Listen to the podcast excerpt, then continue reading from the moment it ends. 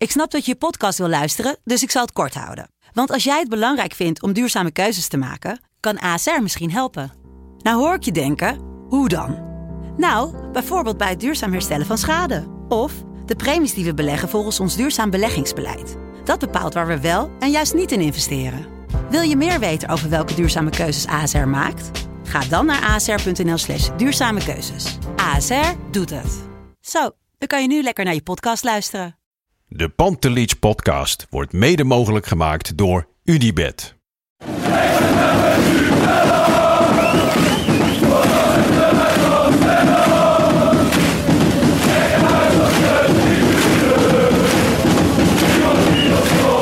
Godsamme. Maar het blijft mijn clubje hoor. Dit is mijn club.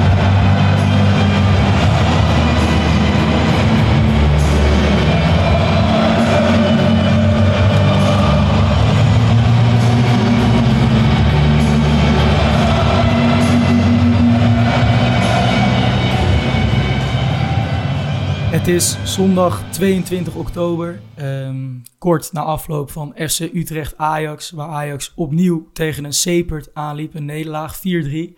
Ik eh, ben hier vandaag Thijs Zwageman met niemand minder dan Lars Jesse van Eijden in plaats van Jan Verdonk. Yes. En eh, ja, Lars, dat was eigenlijk een toevallige samenloop van omstandigheden. Ja, Jan naar, ehm, naar Schotland, Ja. een paar dagen weg. Dus hij zei, kan er iemand invallen? Nou ja, nu was ook dit weekend ADE. Ehm, en daar gingen wij samen naartoe, gisteren. We zijn we na- samen naar een feestje gegaan. Ben ik bij jou blijven slapen. We zitten nu in jouw studentencrib. Ja, podcast teambuilding Precies. Ja, precies. prachtig. Teambuilding. We hebben de oudjes wel thuis gelaten. Ja. Ik denk, eh, nou ja, als je ziet eh, hoe wij gisteren gefeest hebben, dat kan zo'n Bart Sanders absoluut niet aan. En ik ben zou dat wel een eh, keer willen zien eigenlijk. Ja, ik ben eigenlijk ook wel stiekem benieuwd wat zo'n Jan dan allemaal uitspookt als die in Schotland is. Maar goed.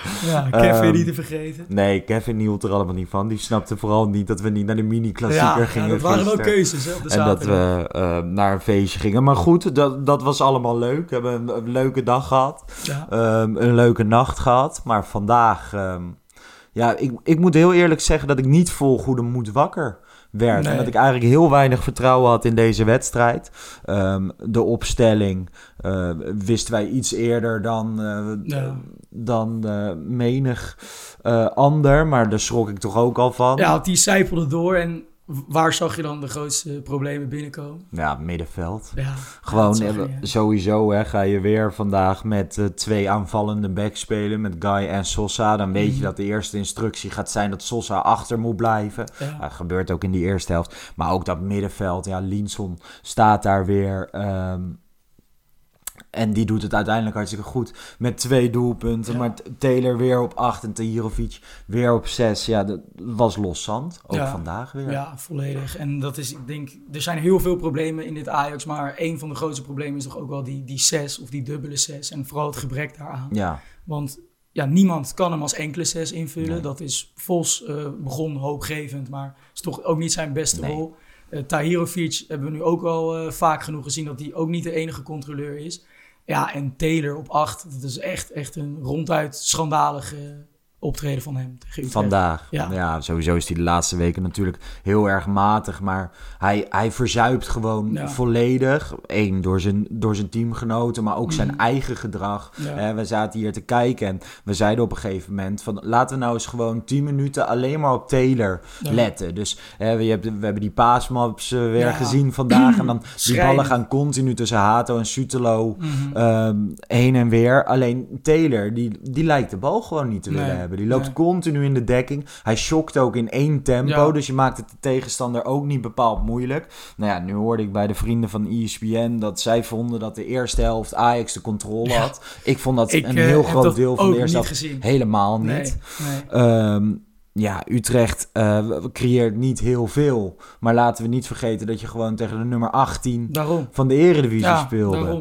En ehm, ja, dat, dat middenveld, en dat blijven we maar herhalen. Maar je kan naar individuen wijzen. En dat zullen we Mhm. vandaag ook ongetwijfeld weer gaan doen. Maar alles valt of staat wel met een klein beetje een wedstrijdplan. En Ja. we hebben het over Ibiza gehad en Maurice Stijn. En hij vond het zelf gek, eh, zei hij van tevoren. Want iedereen, ja, of je nou op Ibiza bent of op Scheveningen. Ja, hij, je bent wel hij met begreep de beeldvorming ook. Ja, je bent wel met die wedstrijd eh, bezig. Dat snap ik. Mhm. Inhoudelijk klopt dat. Eh, voor de beeldvorming doet dat wel wat. Zeker. Ik denk dat hij dat zelf ook moet eh, Maar ik vind dat nog helemaal niet het ergste. Ik vind eigenlijk het ergste dat als jij 24-7 met Utrecht uit bent gege- of eh, bezig Naar bent geweest. zeggen, ja. Naar eigen zeggen. En je komt vervolgens met dit aankakken. Ja, dan ben je totaal incapabel om trainer van Ajax te zijn. Ja, nou, ik kan het dat alleen maar onderschrijven. Want eh, inderdaad, wat hij zegt, hij heeft wedstrijden teruggekeken, 24-7 op Ibiza ermee bezig geweest. En dan kom je dus tot de conclusie dat je weer met Tahirovic als enkele zes gaat starten. Taylor die weer te hoog staat, net als gewoon een kopie van tegen AZ. Utrecht dat het niet eens heel hoog vastzet, maar gewoon de, de spits bij een centrale verdediger. En Labiat daartussen, die het Tahirovic onmogelijk maakt. Nou, die daar zie je, Ron. Jans heeft wel wedstrijden ja. gekeken. Die kopieert eigenlijk een beetje wat AZ eerder tegen Ja, Ajax deed. Dan doen ze vervolgens precies hetzelfde. En Ajax, nou ja, binnen de selectie hebben ze niet het vermogen om dat zelf om zelf te zetten. Ehm, Wat en- ook al een probleem is Ja, dat is al een probleem. Hè. We, een volgende trainer gaat daar ook mee te maken krijgen. En die gaat daar ook tegen problemen aanlopen. Maar blijkbaar zijn ze in de staf ja, ook niet bij machten Nee. ook maar iets om te zetten. Nee, en ja, om dan nog eventjes in te zoomen op dat opbouwprobleem. Want er zijn wel opties voorhanden. hè. Je kunt bijvoorbeeld de Tahirovic laten inzakken, dan wel met die backs iets hoger. Nou, waar Solskjaer in de tweede helft heel belangrijk eh, mee is. Je kunt Taylor gewoon aansporen om meer tussen die linies te gaan komen. Linson die nu ook heel vaak eh, te diep misschien wegbleef. Dus het is, het is echt wel mogelijk om daar oplossingen in aan te dragen. Nou ja, en je ziet wel, want eh, na een van de vorige wedstrijden zei, eh, zei Stijn dat hij met Taylor als tweede zes wilde gaan spelen. Ja. En je ziet wel bij momenten dat Taylor heel bewust toch wel bij, bij Tahirovic blijft en zich dan in de opbouw laat uitzoeken, eh, Mhm. Ja. uitzakken naar die linkerzone. Maar dat, eh, dat zit blijkbaar niet in zijn natuur en dat, Nee. dat kan die ook niet. Al deed hij dat onder Ten Hag in sommige Nou ja, wedstrijden best wel En aardig. ik wil zeggen, ja, jij hebt hem in de jeugd ook veel aan het werk gezien. Ja. Dat was eigenlijk een andere speler dan met wat we nu de laatste weken zien. Want daar lag zijn kracht ook vooral iets hoger op het veld. Om, om daar tussen die linies kort te draaien, met zijn tweebenigheid, het, het spel te verbinden. Dat ontbreekt eraan.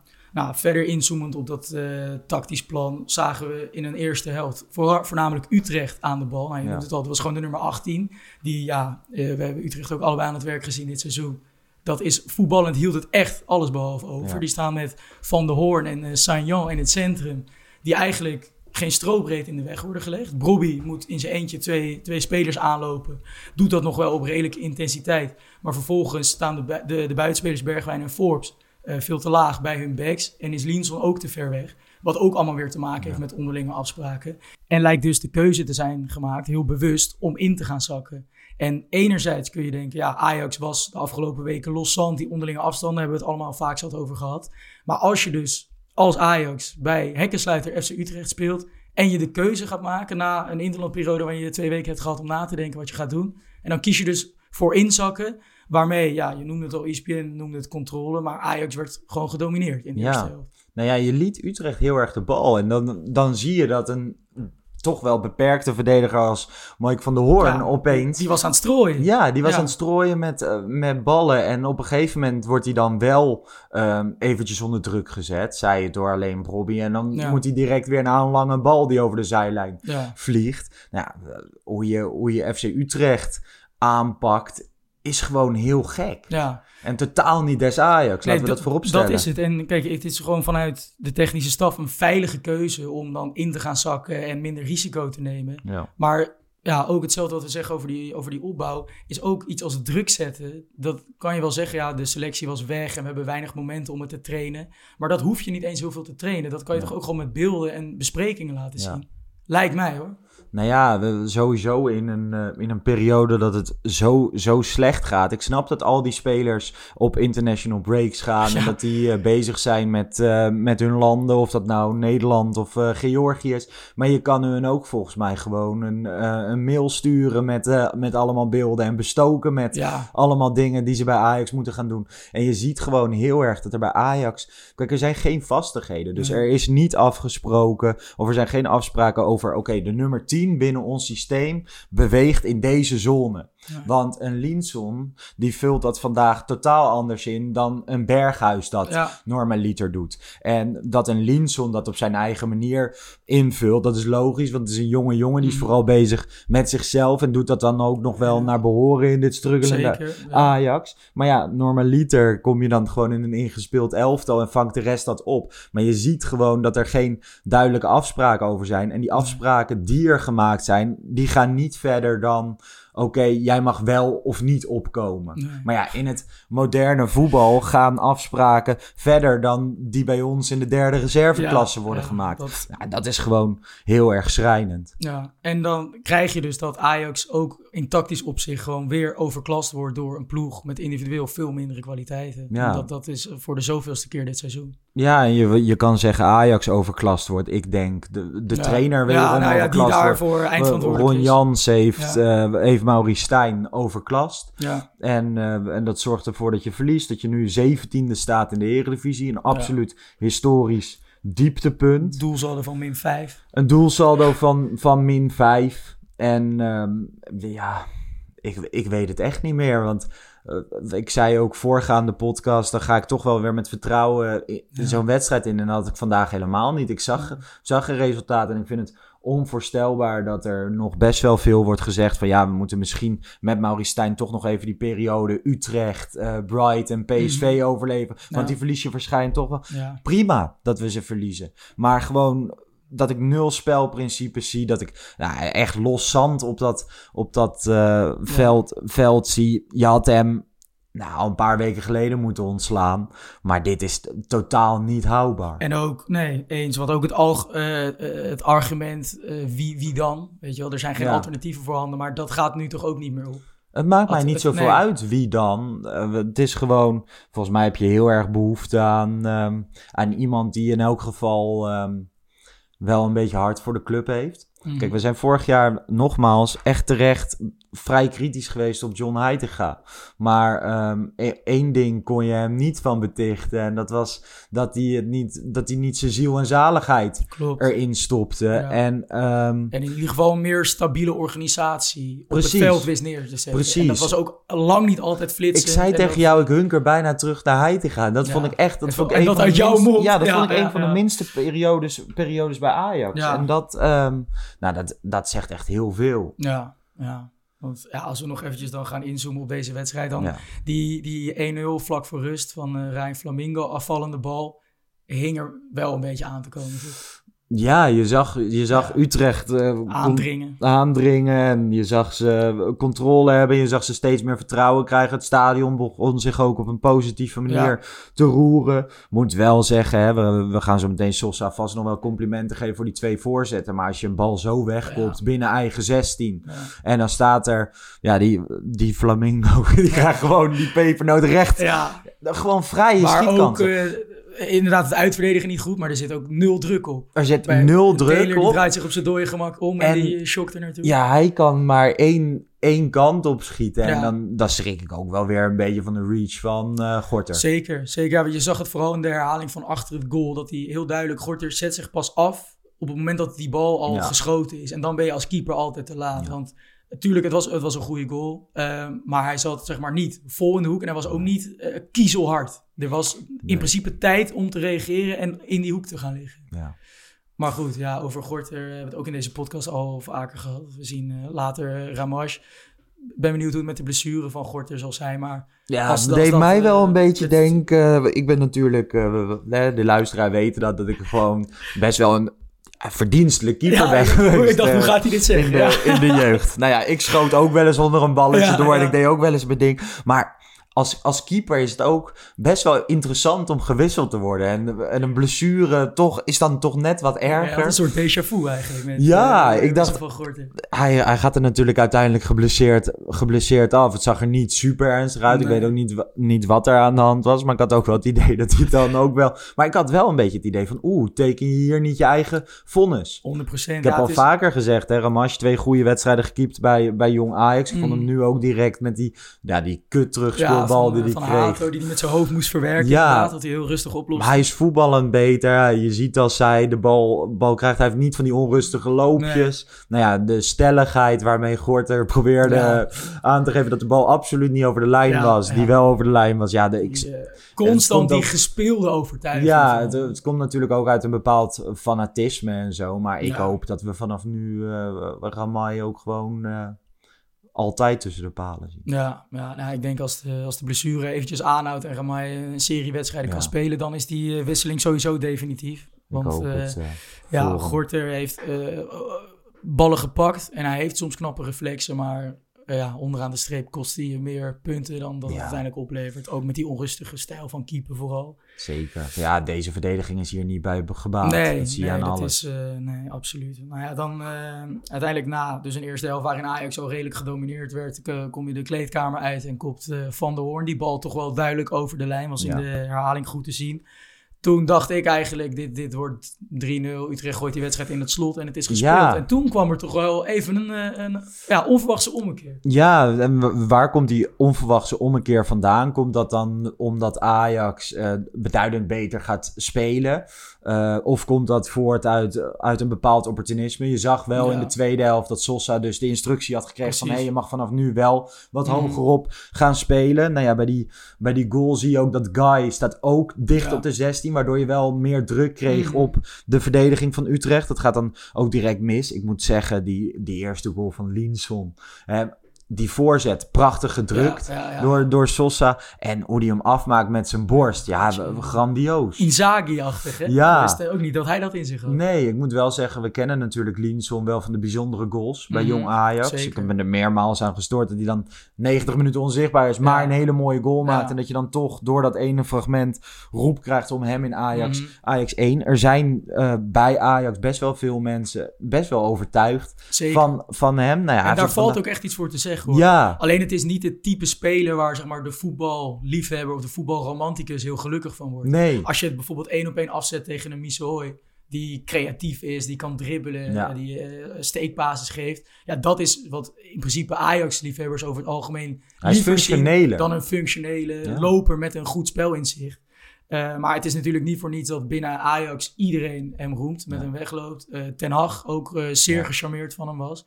En ja, nu ook. Hij staat wel weer gewoon op de goede plek. Het zijn wel kwaliteiten die een hedendaagse team natuurlijk eh, van een hedendaagse team wel worden gevraagd. Zeker. En, ehm, en functionaliteit kan dit Ajax ook wel Zeker, gebruiken. ja. Want je, je Ja. speelt vandaag ook weer... Kijk, Bergwijn geeft weer niet thuis. Nee. Speelde een matige wedstrijd. Hele goede spelers weten voordat ze de bal krijgen al wat ze gaan doen met een bal. Ik heb het idee dat, dat Bergwijn dat vijf seconden nadat die bal is verloren... is na gaat denken wat hij er eigenlijk mee had moeten doen. En... eh, hij zit ook in een lastig pakketje. Je ziet hem later ook weer voor de camera staan. Ehm, dat is gewoon niet zijn ding. Ik denk Mm. dat hij met veel te veel worstelt. Ik denk nog steeds dat die potentie erin zit. Mhm. Maar ik weet niet hoe ze die er nog uit gaan krijgen. Nou, Forbes, super grillig. Ik vond die vandaag absoluut niet thuisgeven. Maar als je ja, zoveel spelers hebt die wel of niet thuis kunnen geven, is een functionele speler als Ja. Linson, die waarschijnlijk altijd een 6 gaat spelen, Mhm. soms een 7 en heel soms een 8. En waar ook gewoon nog potentie in Precies. zit, laten we wel zijn. Hartstikke jong Precies. jongen. Ja, want Ja. ik vind zijn basistechniek en Ja. zo over het algemeen heel erg goed. Hij heeft een goed schot. Ehm, hij, hij is taakbewust. Mhm. Dus ik ben wel... ehm, zou jij hem een paar wedstrijden kans geven? Ja, er komen nu natuurlijk wel weer wat meer opties voorhanden met eh, nou, een Berghuis die overigens dramatisch invalt, maar... Was ja, echt erg ja, vandaag hoor. dat is ook weer echt, eh, echt een schandalige vertoning. Ja, maar dat was Ehm, echt... Want ja. eh, ik, ik verdedig Berghuis echt heel erg vaak. Maar wat hij Mm. vandaag aan het Nee, doen was... dat kan ook niet. Dat kan Maar hij heeft twee weken En niet hij getraind. heeft twee weken niet getraind en gisteren volgens mij een half uurtje meegedaan. Ja, dan vind ik, dan moet je als trainer misschien ook gewoon de knoop doorhakken en denken, ja, we gaan dit niet gebruiken. Ja, Als hij twee weken niet op een veld heeft gestaan. Ja. En ja, hij speelde ook alsof hij twee weken niet op een veld Ja, en het, het vervelende aan hem is als het... het... traag en eh, Ja, op een gegeven moment had hij binnen 30 seconden twee keer balverlies. En dan op het best verve- gevaarlijke plekken Ja. ook? En daarna gaat hij de bal halen, want Ja, dat doet hij altijd. klopt, Dan gaat hij de bal halen, dan wil hij, wil hij gewoon de bal onder Ja, de voeten even- hebben en het spel voor zich hebben, Ja. wat meer tijd hebben. Maar ehm, ja, ook dat, daar is ook dit team niet bij gebaat. Nou goed, hij, hij viel dus eh, ook tegen. Ehm, Ja, ik vind het wel interessant hoor, van ja, zou je hem dan laten staan? Ik zou, uh, Linson dus, Hmm. ik zou misschien eerder ook nog gewoon nu een Miko Tats, eh, of tenminste daar had ik eerder vandaag voor gekozen, ook op 10, ondanks dat dat dan ook niet zijn positie is, zie ik hem wel het liefst gewoon in de as. Ehm. Ja. ja. en is het ook wel weer eh, eigenlijk wonderlijk dat hij dus nu pas Nou in ja, het 92 minuut Het blijven gewoon hele aparte keuzes. Want ook Linson, die heeft natuurlijk tegen Fortuna Sittard in de basis Ja. gespe- gespeeld. Vervolgens is hij weer teruggegaan naar Jong Ajax. Zie je hem nooit invallen. Nee. En dan FC Utrecht uit, staat hij er Ja. opeens weer. Net als ehm, twee weken geleden ging Maurice Stijn. Dit was het centrum voor de komende tijd. Sutelo en Avila, Hato op linksback. Ja. Dan wordt hem van tevoren gevraagd van waarom is dat nu dan niet zo? Ja, Ja. voor deze specifieke wedstrijd denken we met Sosa. Ik, ik snap nog dat je dan weer gaat schuiven. Maar dat had je dat twee weken geleden niet moeten zeggen. Ja, en die uitleg valt toch ook gewoon niet te rijmen met als je dan dus een Sosa in, in eerste instantie laag op het veld wilt hebben. Nee, Terwijl zeker niet. hij in zijn kracht is als hij over die flank Ja. kan denderen. Bergwijn in zijn kracht komt als hij tussen de linies kan spelen. Dus Nou, maar eigenlijk de tweede helft gewoon, dan mag Bergwijn iets meer aan de binnenkant Ja. gaan spelen. Mag Sosa daar overheen. Ja. Dat is hoe het, hoe het moet zijn. Ja, dan zie je tuurlijk. direct meer dynamiek. eh, ja, een soort verrassing, een ja. onvoorspelbaarder, zeg maar. Ja, Dus, maar eh, dat, dat is dan ook wel, want echt onvoorspelbaar wordt het niet. Maar omdat we ons aan zulke kleine ja, dingetjes moeten ja, vasthouden. gaan het gaat twee keer, twee keer goed. Nou ja, het is, het is onvoorspelbaar genoeg om in ieder geval ook een matige defensie die Utrecht gewoon Ja. heeft, eh, even terug te dringen en, en twee keer uit te scoren met gewoon prima uitgespeeld. Ja, Ajax is gewoon niet bij macht eh, echt kansen te creëren. Nee. In, de, in de eerste helft heb je volgens mij twee, drie momenten met Linson en Bergwijn. Bergwijn dat, eh, kansjes.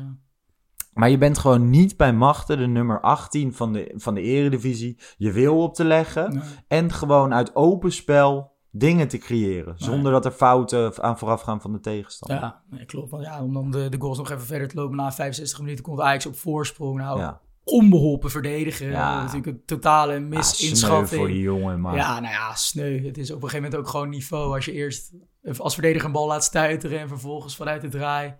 Ja, Dus, heel eh, hij lomp, had eh, geen idee wat hij moest doen. Nou ja, Bergwijn eh, schiet dan die penalty goed binnen. Ja. Ehm, maar vervolgens glipt het in de laatste 20 minuten nog helemaal weg. Ja, Met bizar. eh, ja, eerst Toornstra, die dus volgens hem, eh, naar eigen zeggen, uit het boekje werd vrijgespeeld.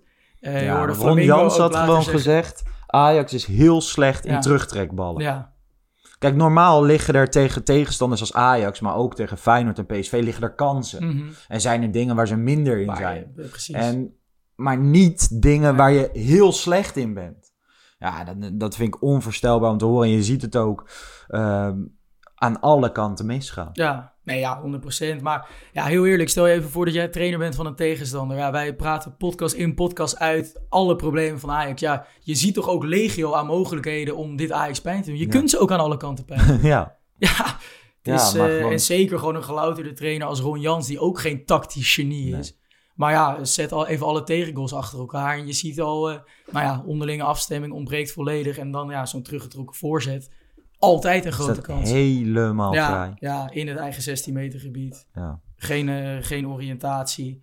Eh, eerst ook weer bij Taylor die een man uit de rug laat lopen. Soetalo die vervolgens... Nee, nou, en die man uit de rug van. Taylor is gewoon schrijnend. Hè? Ja, ja, want dat was Flamingo die niet eens in een sprint eh, Nee. diep gaat... maar die eigenlijk op hetzelfde tempo gewoon een loopje Ja. maakt. En Taylor die geen idee heeft. Maar dat komt, eh, we, ja, we, hebben dat ehm, leuke clipje van Kavinski die Davy Klaassen nadeed, zeg maar, dat hij maar één versnelling Ja, had. ja, en dat, ja. dat was bij Davy Klaassen ook een beetje zo. Maar heel eerlijk, dit Ajax heeft maar één versnelling. Ja, zeker. We sukkelen maar in één tempo, baltempo ook vandaag, hè, ook bij Utrecht, Mhm. gewoon over het algemeen. We hebben een superleuke wedstrijd gezien, tenminste de neutrale kijker heeft een superleuke wedstrijd gezien. Ehm, maar erbarmelijk niveau. Het was Ja. heel matig Ja, aan ja. beide kanten. Want dat, eh, ja, over dat baltempo nog wat terecht ook dat je dat aanstipt. Want het is Soetelo Hato. Die connectie hebben we het meest elkaar de bal zien toespelen vandaag. Maar daar kan je ook iets meer mee creëren. Als je die bal een keer voor de man inspeelt. Of wat Hato dan nog regelmatig doet. Een dribbel maakt om toch even iets te forceren. Dan lok je nog iets mee uit. Want ja, het middenveld verstopt zich en is onaanspeelbaar. Maar dat wordt ook niet geholpen als die bal op, eh, op een 11 en 30ste Nee. een beetje achterin rondhobbelt. Nou ja, en dat is ook een beetje het ding van... Oké, dat middenveld is, is, is een pijnpunt. Maar zoals vaker gezegd, wie je daar ook op dit moment neerzet. Ja. Ja. je had op een gegeven moment dat je Tahirovic best kunnen wisselen voor Hmm. Branko van de Bomen. Ja. Nee, dat gebeurt dan uiteindelijk in minuut 92. Ja, ja. Rijkelijk eh, later. Dan komt Chuba er ook nog Ja, bij. En Nico ja. Tatsen komt er dan nog even bij. Even opportunistisch, Ja. spitsje erbij. En Ja. direct Lekker de oplossing direct zoeken. spelen. Maar, ehm, maar met Branko van de Bomen krijg je dan weer hele andere problemen. Ja. Want Branko van de Bomen, ja, die is niet heel loopgraag. En een Taylor weer- die nee. continu weg is, dan word je ook totaal overlopen. Mhm. Dus ehm, ja, ik weet het ook niet meer. Nee, ja, het is nu. eh, Vos was natuurlijk geschorst en had ook lichte, lichte klachten. Ik hoop Ja. dat hij snel weer fit is. Dan zou ik toch echt wel opteren voor eh Vos Tahirovic als Ja. dubbele 6.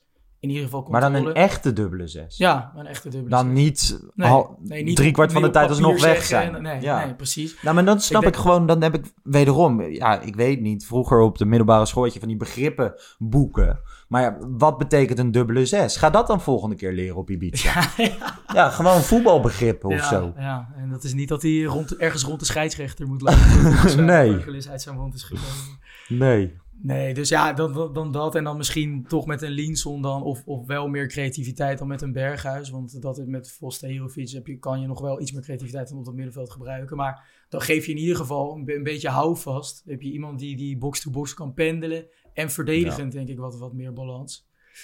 Dan, eh, ja, want eh, het, het hield allemaal niet over. Nou, uiteindelijk om het eh, even een blokje rond te maken. Na de staking geeft Ajax hem nog helemaal weg. 4-3. Ja. Soetalo, andermaal eh, schutterend. Bizar, Ja. want hè, we, mensen hebben naar hem zitten kijken bij Kroatië, moet eerlijk zeggen. Ik heb alleen de samenvatting gezien dan, maar ehm, daar, daar leek hij het dan wel weer redelijk te doen. Ehm, maar dit soort ballen zijn onverklaarbaar, want ook niet ook- de eerste keer van deze nee, middag. niet de eerste keer. Ja. En nogmaals, hij krijgt ook weinig mogelijkheden Ja. met dit middenveld, met deze backs. Waar moet je die bal heen, heen sturen? Maar dit soort fouten zijn echt onverklaarbaar. Ik snap Ja. het gewoon niet. Nee, nee. Nee, want eh, kijk, dat hij komt te zwemmen in grote ruimtes en verdedigen, dat het soms dan wijfelend oogt. Maar ja, dit, dit zijn fouten die je niet mag maken, Nee. niet kan maken. Nee, maar Dus ja, als een jij- verdediger van 20 miljoen. Als jij een trainer hebt die continu zegt van... ehm, ja, zoek dan maar de directe oplossing. Dus de lange Ja. bal. Want dat hebben we vandaag ook weer meermaals gezien. Dat er Mhm. gewoon... Nou ja, geen eens spelers de diepte in worden gestuurd. Het, wordt, het is gewoon lange ballen ehm, en pompen. Maar ik kan me nog voorstellen dat je Sutelo bent. Dat je denkt van ja, hè, we, we moeten gewoon voetballen. Dus Ja. dat je dan meer risico in je passing gaat Mhm. leggen. Maar ja, als je zelf ook geen vertrouwen hebt, dan krijg je dit. is een soort En daar schrik ik daar wel van. Ja. Want die wedstrijd, eh, die, die ligt stil. Dan heb je dus tijd om, Mhm. om iets te gaan doen. ja, Ja, dan, dan bedenk je een plan. ja. Dit Gewoon- is, eh, Ik heb inmiddels zoiets van stuur die gasten dan echt zonder plan het veld Mhm. op. Want jouw plannen, van Marie Stijn dus, zijn nog slechter dan geen plan. ja. ja, klopt. Ja. En het was die staking en volgens mij 50 seconden later eh, lag de 4-3. Ik moet wel zeggen, ik heb echt, echt ook de KNVB, ik ben daar inmiddels ook Ja. wel echt... Het is wel gênant hoor, want sowieso is het inconsequent. Mhm. Want er was al eerder een bekertje op het veld, toen liet Ja. Riegler doorgaan. Kijk, En heel, ja, heel eerlijk, dat protocol moet toch ook gewoon worden aangepast. ja, Want, want, Want zij maakt het vinden- allemaal veel groter. Zij vinden dat ze op de goede weg zijn, Ja. hoor je eh, Van Leeuwen laat zeggen. Nou ja, ik heb geen idee, dit slaat Nee. weer helemaal En ik bedoel, ja, vooraf hoorden we geluiden van Utrecht supporters uh, willen het misschien laten staken en Ja. dat soort dingen. Nou, in principe was daar allemaal niets van aan de hand tijdens de wedstrijd. Nee. Maar juist met twee keer zo'n staking om wat bekertjes creëer je toch een soort rumoer en, en onrust, Ja. onrust in het stadion. Ja. Dus Ja, het eh, is, eh, ongelooflijk. Ongelooflijk, ja. Zoals zoveel dingen op deze middag eh, ongelooflijk waren. Gaan we even naar het wedstrijdwoord. eh, door Wesley ingestuurd. Foute festijn. Wel Ja. het meest treffende wat deze middag ook weer samenvat. Hè? Ja, het is, een, het is een soort circus waar we, Ja. waar we naar zitten kijken. En ik vind het dan ook onvoorstelbaar dat je wederom na de wedstrijd komen dan die reacties. Mhm. En dan vind ik het al heel lang duren voordat er mensen van Ajax voor de camera komen. Zelfs de zesde rechtsback van FC Utrecht is geïnterviewd. En dan komt er eindelijk iemand, dan is die eerste Linson. Mhm. Kijk, ik snap dat Linson wordt aangevraagd door ESPN. Ja. En hoe dat werkt. Alleen zorg nou dat de eerste trainer of de aanvoerder voor de groep En daar is. Ajax gewoon leidend in. Hè? Daar is Ajax gewoon Die leidend in. Die hebben gewoon. Ja. en geloof mij, Ajax heeft een hele goede, strenge perschef. Dat als, Daar hij dingen, dat als hij dingen niet wil, dan gebeurt dat niet. Ja. En ik vind dat wederom heel erg gek. Nou ja, dan Ja. hebben we een aanvoerder die niet al te goed uit zijn woorden komt. Maar waar aan we in alles zien dat hij er ook geen vertrouwen Nee. meer heeft op deze Nee. moment. Of op deze manier. Hij wist niet hoeveel wedstrijden eh, ze al niet meer gewonnen hadden. Hij wist het niet. Ik weet het wel. Ze waren er acht. Of het zijn er acht. Het is gênant. Jij zei tegen mij Ludo uit is de laatste. Ja. En dan ja, RKC er tussendoor die nog moet worden uitgespeeld Ja. natuurlijk. Maar dat telt niet mee als een winstpartij. Nee, en ehm, nou ja, dat is een, een bizarre reeks. En dan zie je vervolgens Maurice Stijn daar staan. Kijk, de vorige keer geloofde ik hem al niet. Mhm. Maar nu zag je op zich best wel een gebroken Ik, ja, dat man. vond ik ook een groot verschil met voorgaande interviews. Waarin hij toch nog wel, ja, misschien was dat ook al gespeeld. Maar in ieder geval zelf nog wel het idee. En ook meer daadkracht Ja. sprak er toen uit zijn woorden.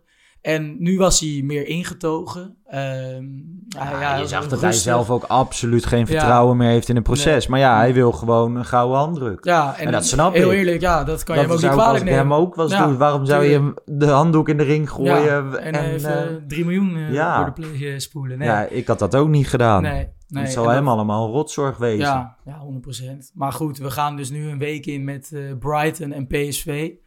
Ja, Ehm, ik, ik zeg, ehm, Frank de Boer begon ooit ook met AC Milan uit. Ja, Ehm, het, het maakt helemaal niks uit, maar je moet echt geen dag langer doorgaan met deze trainer. En dat zeiden we zes weken geleden ook al. Maar ja, waarom zou je dat doen? Ja. Mij maakt het niet uit als er nu een ad interim komt. En ik snap Nee. heus wel dat we dan niet opeens bij Brighton de Sterren van de Hemel Mhm. spelen of tegen PSV. Nee. Maar dit is gewoon totaal onhoudbaar. Ja, en natuurlijk vandaag ook weer met een gemankeerde selectie. En het moet ook allemaal nog maar gaan blijken of die aankopen werken. Zeker. Maar je bent nu eh, gewoon, ja, het is inmiddels bijna eind oktober. En er is zo, zo weinig houvast, zo Nee. weinig aanknopingspunten. Zelfs bij Dat- FC Volendam, die twintig keer minder Ja. materiaal hebben, zijn patronen. eh, zijn daar is patronen structuur. te zien. Ja, Dus Ja. we, bij, we zitten regelmatig naar jong Ajax te kijken. Die Mhm. hebben ook ehm, een matige seizoenstart. En qua resultaten valt het ook niet mee. Maar dan zie je wel gewoon die, elke keer de eerste Ja. 60 minuten van de wedstrijd. precies, precies. Zie je gewoon wat ze willen gaan doen. En vervolgens raken ze vermoeid. En zijn ze nog Mhm. niet volwassen genoeg. En pakken ze vaak die punten niet. Maar ja, dit, dit heeft helemaal niks meer met Ajax te maken. En ook in Jong Ajax, waar heel veel natuurlijk wisselende samenstellingen zijn. En soms eh, hele jonge jongens meedoen. Maar daar, ja, jij noemt bijvoorbeeld net de vergelijking tussen Linson en een Berghuis. Die dan die teampositie totaal anders invullen. zijn ook andere types. Maar zelfs in Jong Ajax, als daar centrumverdedigers als back spelen. Of buitenspelers eh, terug worden gehaald naar het middenveld. Of soms zelfs achterin. Ja, daar is wel, daar is wel die houvast. En daar is gewoon eh, tactische duidelijkheid in waar je wanneer moet lopen, wa- wat je startposities zijn op het veld. Maar volgens mij, je begint toch ook altijd gewoon met een... Je, be- je bedenkt een formatie en dan gewoon het team... Een, heb je een teamtactiek, een ja. teaminstructies. En deze instructies horen bij deze positie. En dan vervolgens ga je tweaken met wat voor speler zet je daar neer. Mhm. Wat zijn zijn specifieke kwaliteiten. En hoe kunnen we dat op elkaar En dat is afstemmen. fine-tunen. Ja, Maar alleen die, die algemene tactiek, Ja. dat, dat kan je wel tijdens een interlandbreak Ja. gaan bedenken met z'n allen van hé, hoe gaan we het roer omgooien. Ja, maar we zien nog steeds hetzelfde en sterker nog, het wordt alleen maar slechter. Ja, ja, dat wordt het ook slechter. En het, het- het blijft alleen maar... Het, het, het zijn losse vlodders. Ik weet nog toen nog Fortuna uit, dan werd er opeens eh, opgebouwd in een structuur van drie achterin, waar de hele voorbereiding zes, zeven weken lang nooit in is gespeeld. Nee. Nu, eh, twee, weken, of twee weken na Fortuna, val je opeens terug op een enkele zes puntje naar achter. Ja, nu wordt dus weer gezegd dat Taylor wel die dubbele zes moet gaan maken. Ja, Maar dan- je kan dit niet elke week volledig omgooien. Er zit zo weinig idee dan achter. En je komt met uitspraken als als je drie keer scoort in Utrecht mag je nooit verliezen. Nee, nee. Dat vind ik zo, vind ik zo bizar. Ja, Dat, dat zeg ik Ja. in de amateurkleedkamer. Van ja, als je twee keer scoort, ja, Ja. dan mogen we deze pot natuurlijk niet verliezen. Maar waar is het krab bier? Ja. Ja, en nogmaals, volgens mij kan je met Maurice Stijn prima een, een biertje drinken. En op Ibiza is het dat hartstikke zal vast- gezellig. Ja. En ehm, daar moet hij ook vooral lekker gaan zitten of ergens anders Mhm. trainer worden. Maar dit, ja, ik, ik heb vorige week al gezegd van lang ga je je dan richten op Maurice Stijn. Maar inmiddels is het wel zo dat iedereen met een klein beetje verantwoordelijkheid bij Ajax ja, zichzelf echt in de spiegel moet gaan aankijken waarom dit nog op deze manier gaat. Ja, dit is uh, tot voor kort was dit ondenkbaar geweest. Een Ajax uh, Zeker. op de 17e nou ja, en, en, een trainer die dus nog, nog steeds zit. Ook gewoon vanuit, uh, vanuit supportershoeken. Hè? Want vandaag hoor je het uitvak uh, bij Tijd en Weilen echt wel hard, mm. hard zingen. Ajax staat erom bekend dat, dat ze altijd goede support hebben. Zeker bij uitwedstrijden. Maar ja, ik zat nog even terug te kijken. We hebben natuurlijk ooit dat artikel gehad over slaapkindje slaap. Ten acht zet ons voor aan. Vanuit de F-site, um, ja. Maar gewoon, ik vind nu de kritiek van, van Stijn uit vanuit zo'n, vanuit zo'n uitvak ook vrij summierd. Ja, nee, valt dat, me best, wel, ja. best wel mee. En ik, ik vraag me echt af hoe dat kan. Want Ajax staat ja. 17. En nou ja, waarschijnlijk hebben, heeft de aanwezige pers vandaag ook weer gevraagd... wat uh, Maurice Stijn van die krompoes vindt of zo. Ja. Die nu viral gaat op TikTok. Hè, dat is de kruising tussen de, de croissant en de tompoes. Maar een kritische vraag zou er waarschijnlijk weer niet gesteld zijn. Nee. Nee, het is uh, echt ongelooflijk. En ja, wij nemen nu dan kort na de wedstrijd op. Maar ik ben ook benieuwd welke dynamiek er nu op gang gaat komen. Want we hebben, nou ja, Hets dus tegen Ten Hag gezien. Ja. Uh, op het moment dat Ajax volgens mij nog koploper was. Uh, we hebben Schreuder gezien, die toch ook uh, al steviger werd aangepakt. Die nog uh, derde stond of tweede op een gegeven moment zelfs. Dat is een kleine internetcampagne volgens... Ja, ja de bubbel. Ja, de bubbel is kritisch, ja. kritisch op Stijn. En ja, nog steeds zijn er mensen die tegen mij zeggen van... ja, het ligt niet aan Stijn, het ligt aan die selectie. Maar ja, zelfs, zelfs met deze selectie moet je ja. gewoon makkelijk uh, linkerrijtje, de top ja. linkerrijtje staan. Ja, tuurlijk. En als je dan een jaar niet meedoet met ja. Feyenoord en PSV, ja, dat, dan is het al slecht. Mm -hmm. Ja, ja, 100%. Maar ja, vooral dan nu bijvoorbeeld die wedstrijden te, vandaag tegen Utrecht, het uh, grootste gedeelte van de wedstrijd op een kwartier na. En bijvoorbeeld een Twente uit. Dat zijn ploegen met beduidend minder individuele kwaliteit. Ja. Waar je op, op tactisch vlak volledig wordt overklast. Ja, nou ja, dan, we, we, we, moeten uh, deze week gaan uh, heel veel, volgens mij bijna 2000 Ajaxiden gaan naar uh, Brighton. Ja. En die gaan daar een prachtige week hebben. En mm. daar heb je heel veel mooie pubs. Dan kan je heerlijk stappen. Maar ja, ja de, daar de zullen ze ook het uit moeten halen. Ja, de Serbi is een tactisch genie. Ja. Die, die trekt, trekt alles uit de kast straks. Ik ben benieuwd. En volgende week Peter Bos. Hè, die heeft uh, het, openlijk uh, zitten solliciteren, is het mm, niet geworden. Die is nee, er natuurlijk op gebrand. Die loert, ja. Hebben alle wedstrijden nog gewonnen. Dus er wordt ja. vorige week, we zeiden voor die klassieker van, nou ja, als je niet uitkijkt, sta je 4-0 achter met rust. Mhm. Mm. Stond uiteindelijk 3-0. Ja. Nou, richting PSV uit. Ja. Kan je hetzelfde verwachten? Ja, 100%. Ja, nog eventjes af, afwachten hoe uh, bijvoorbeeld of Noah Lang daar fit voor zal zijn. Maar ja, daar staat gewoon een ingespeeld geheel. Een geoliede machine, zowel met als zonder bal. Met ook veel mutaties. Ja, ja.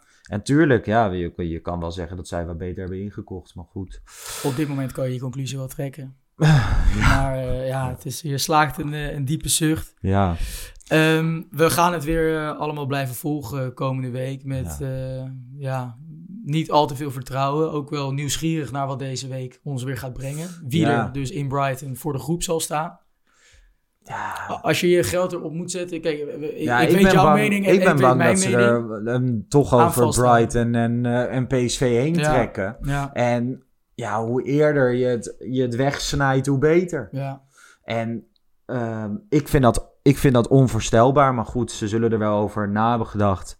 En um, we, gaan het, we gaan het wel zien. Maar het wordt, het wordt een pijnlijke week zo. Ja, ja die uh, conclusie kun je nu ook al uh, ja. trekken aan het begin van opnieuw een loodzware ja. Ajax-week. Ik moet wel even benoemen dat um, stel hij wordt ontslagen, dan zullen we snel weer met een, uh, met ja. een podcast komen. Um, maandagavond speelt Jong Ajax thuis tegen ADO. Mocht je daar nog willen gaan kijken. Want ik, daar haal ik mijn plezier uit. Uit dat soort, uh, dat ja, soort jeugd, kleine dingetjes. Jong, ja, laatst, ja, laatst onder de 17. Nou ja, we, Heiblok en Rozen ja, bij Jong. Ja, dat soort dingen. Daar ga ik weer even lekker naar zitten kijken. En um, het komt, er, komen hoos wel weer betere tijden aan. Ik hoorde vorige week in de NOS voetbalpodcast... hoorde ik iemand zeggen dat Ajax de komende vijf jaar niet meedoet om Champions League plekken. dat is dat natuurlijk is, Nee, dat is krankzinnig. Eén goede transferperiode. Je staat er gewoon weer tussen, gewoon tussen haakjes. En er moet echt heel veel gaan gebeuren. Mhm. Maar, ehm, en ik wil gewoon Ajax terugzien, want dit is echt een historisch dieptepunt. Maar ik heb er wel vertrouwen in dat het op de lange termijn gewoon gaat gebeuren. Ja, nou, laten we afsluiten met die eh, positieve woorden.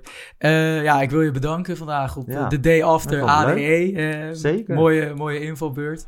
Luisteraars ook weer bedankt voor het luisteren. En woensdag en wellicht eerder zijn we er dus alweer met eh, de Pantelis podcast. Dus bedankt voor het luisteren en tot snel.